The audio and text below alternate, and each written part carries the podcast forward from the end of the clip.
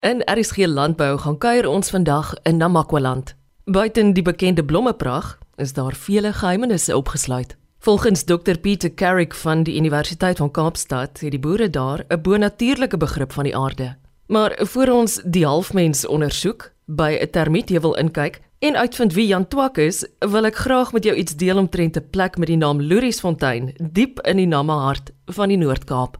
As far as I know, that's the only place in the country that has a, a wind pump or a wind pump museum. So they have there every kind of wind pump, like the Climax model. But you can go there and see 10 to 20 wind pumps. It's almost like in somebody's backyard because Loeriesfontein is really just a handful of houses. And then Windpomp Museum. In die omgewing is daar plantspesies met die wonderlikste name. Yeah, there are some wonderful names. The Siermelkbos, Euphorbia mauritanica, is quite widely known, and people know it to be incredibly poisonous. If you are brave enough to touch the tiniest piece on your tongue, you'll see that it's there's nie so dat so baie dat dit suur is, maar jy kan amper sê dis it kind of burns your tongue. I wouldn't advise people to do that. The sheep and goats and other animals eat the, the soetmelkbos, which is uh, Euphorbia decussata they eat that quite readily, and even even humans could eat that. But of course, you've got to know your plants pretty well before you're brave enough to put a melkbos in your mouth. There are some great names. The Afrikaans names are so descriptive. The one problem we have is that there's no commonly accepted volksnaam for most of these plants. So some of them, like those two that you've mentioned, those are quite widely used.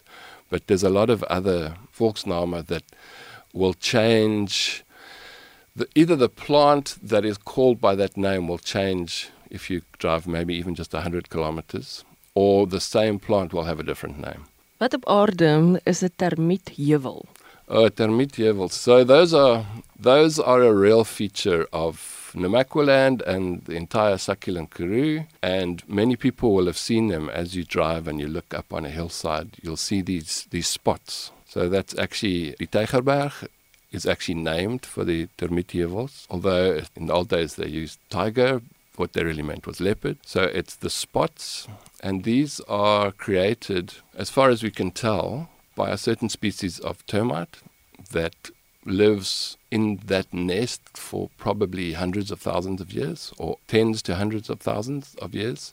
It's not a termite mound like people have in the savanna systems or, you know, the sort of famous view of something that sticks out from the ground. So this is a very low hevel or mound. So it might be 10 to 20 meters in diameter, but it'll only rise over that whole 10 meter diameter to a height of maybe one meter. Because the termites have been there for so long, they fetch plant material from a wider area and it gets brought back to the nest. So over this extremely long time period, the soil properties have been changed by the termite. So it has more organic matter, the pH of the soil changes, and because of the burrowing activity that takes place in Ihilokis, both by the termites and by other things that I'll mention in a minute, the infiltration of water on the Ihilokis is higher, and the retention is higher because of the higher organic matter. They're created by termites, but they become a bigger habitat and play a bigger role in the greater ecology. Many, many of these termietheuweltjies you'll see have aardvark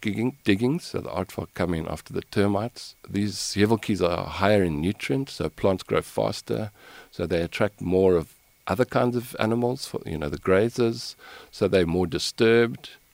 Ek rol 'n kaart oop van Suid-Afrika en Namibië. Wat tel as Namakwaland?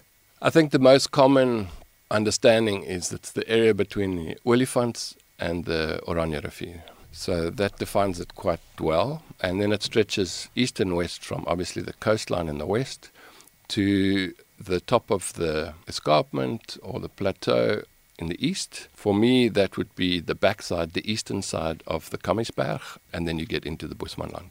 Wat op aarde is 'n bontotkorrie? So it's an aloe, an aalwyn, a really pretty one. We call it Aloe arenicola. It's not common in general, but uh, you can find quite a lot in the sandveld. And again, it's a plant that really likes to grow under other shrubs. Die Richtersveld is 'n plek baie na in my hart. So the Richtersveld is really special. I mean, it's getting to the most extreme of our arid systems. So it drifts from what we call a semi arid area into a true desert And a true desert is an area that is so dry that it can't really carry plants in a full cover. So only in specialized habitats like gullies or river courses do you really get plants in those systems. So the Richtersveld is right on the edge of that. It has a magnificent diversity of topography. So it, it has the same sort of sandveld systems, but then it has all these mountains and valleys between them.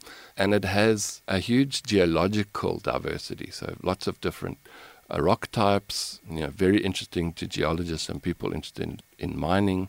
But that also means it creates a lot of different soil types that are useful for plants and will attract a diversity of plants. And probably for those reasons and for other reasons we don't understand, the really charismatic big showy vetplante and, and particularly the, the tree aloes, they really occur there in big numbers. So there's Kokerboom, Aloe which is striking, and then of course there's the halfmens, the Pachypodium. Halfmens? Yeah, which is which is a crazy plant. It's, you know, it grows much taller than a person, but it's one big fat stem. The stem is, is fat at the bottom and, and thinner towards the top. But so the fat part of a big adult would be a little bit fatter than most humans, and the thin part a little bit thinner. But only right at the crown, right at the top, does it have a, a ring of leaves that looks somewhat like a, a head of hair, so hence the halfmens. And that ring of leaves is always pointed slightly to the north. So this very small area of the plant that's able to photosynthesize and grow. And even though it's in such a dry area, because the leaves are such a small proportion relative to the rest of the plant, it's trying to get as much sunlight as possible. So kind of always points towards the sun. So die halfmens wat altyd noord kyk. Dis nogal simbolies. Is daar enige landbouaktiwiteite in die Rigtersveld? It's widely used for sheep and goats. So ja, veeboerdery. Beyond that, there's there's not really any other productive use of the land for farming. Obviously, along the Orange River, that changes. People are able to use that water for all sorts of farming. But in the Richtersveld itself, it's just sheep and goats.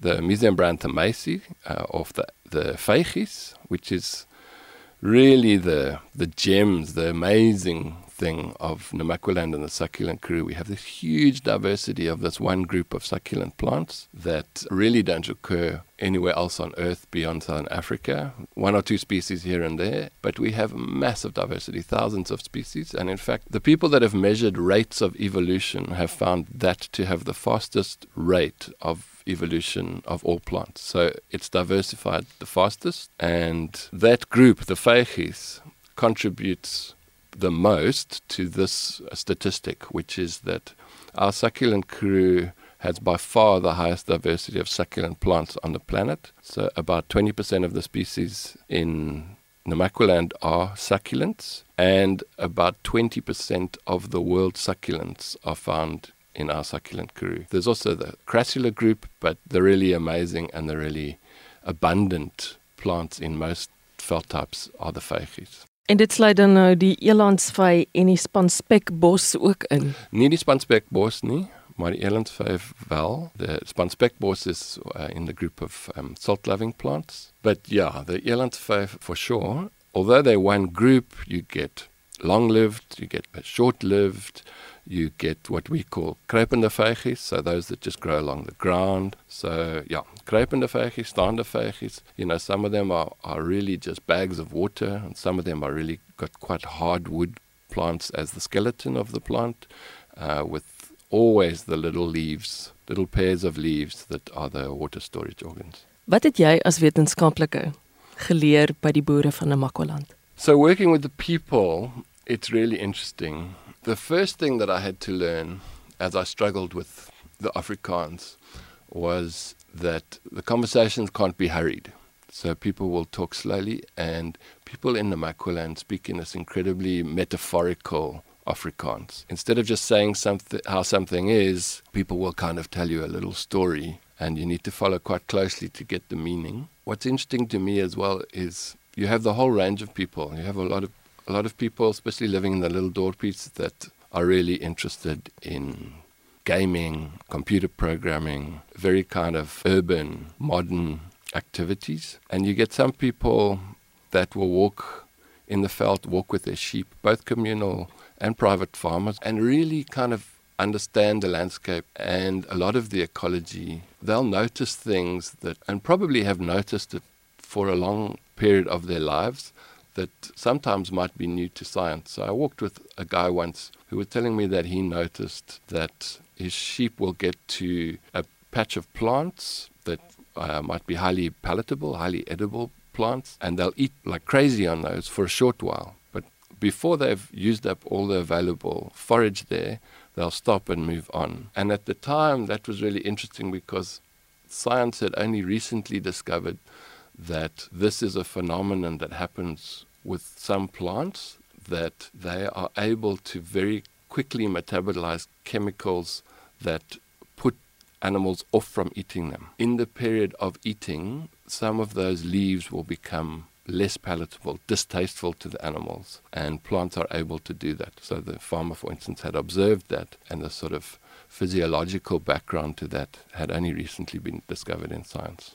Beskryf van my 'n skaapbos. Dis uh Okabito genoem. Very attractive flowers, very widespread across all our karroos. You know, we have two, the karroos separated into two distinct biomes, the succulent karroo and the Nama karroo. Very, the leaves are very high in, in nitrogen, so very palatable. Vletjiesbos. Vletjiesbos, so that's uh, so a peulplant, so a legume in English. So those are clever plants because they're able to fix nitrogen with their roots. They often have a lot of protein, a lot of nitrogen in their leaves. But the problem is they're quite good at having toxins in their leaves as well to prevent animals from getting those leaves. And Vletjiesbos is often eaten by sheep and goats when the leaves are dry and fall to the ground because they lose their toxins then.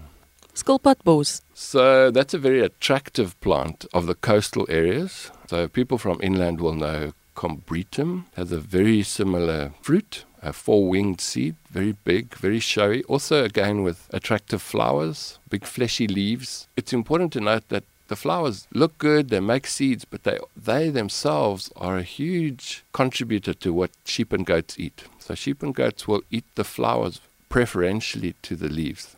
Ouman soutbos. Ouman soutbos. So, that's in the group of saltbush plants, and as you would imagine, it it's a group of plants that's very good at handling heavy loads of salt in the soil. But the Ouman soutbos is a plant that comes from Australia, even though we have very similar plants here in South Africa. That has got introduced.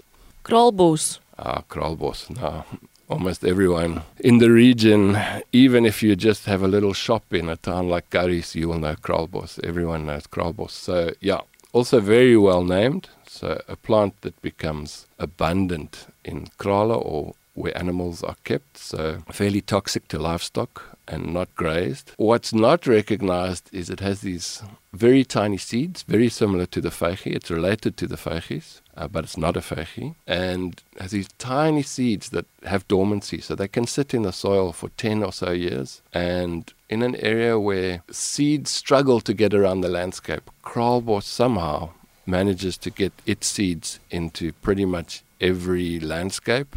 Waar vind ek vir Jan Twak? Well, Jan Twak, this is also an exotic species or an invasive species. It's a taller plant, somewhere between a tree and a shrub. Het Jan Twak iets te doen met haasgras? Uh, not that I know of, no. Wat van varkies knol? So that, yeah, so that's an an interesting one again. Also a vygie, it will grow for sort of two years and then grows in its own weird way, sort of upright with a fleshy stem, may well be attractive to pig-like animals, porcupines perhaps. En dan kry jy natuurlik 'n meerjarige kruide ook soos bokhoringkie. So this is a little climber that climbs through the shrubs and has an amazing little flower. Personally, I think there's great pleasure that can be derived simply from watching things grow. People who farm in the Namaqualand, they are at the rough edge of farming, I think. That that's where you really got to work and have patience to get production out of your landscape. And yeah, I think it breeds a kind of person that has a longer outlook on life and is pretty philosophical. Dr Pieter Carrick is ekoloog verbonde aan die plantbeskermingseenheid van die Universiteit van Kaapstad en medeskrywer van die boek Ekologiese restaurasie in Namakwaland. Dankie dat jy ingeskakel het vir RSG Landbou. Ek is Eloise Pretorius en ek wens jou 'n wonderlike Saterdagmiddag. Totsiens.